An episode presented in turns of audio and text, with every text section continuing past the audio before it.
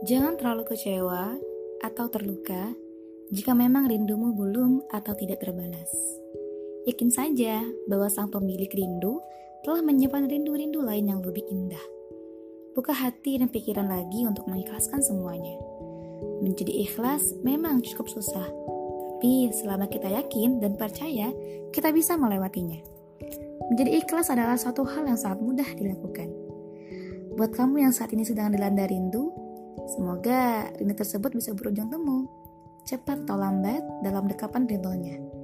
Nikmati saja rindu tersebut dan buat setiap rindu yang kamu rasa jadi perasaannya indah serta menguatkanmu pada Sang Maha. Menyoal rindu, ya memang sering kali membuat pilu, tapi tanpa kamu sadari, ia justru membuatmu semakin menghargai satu hal yang bernama temu.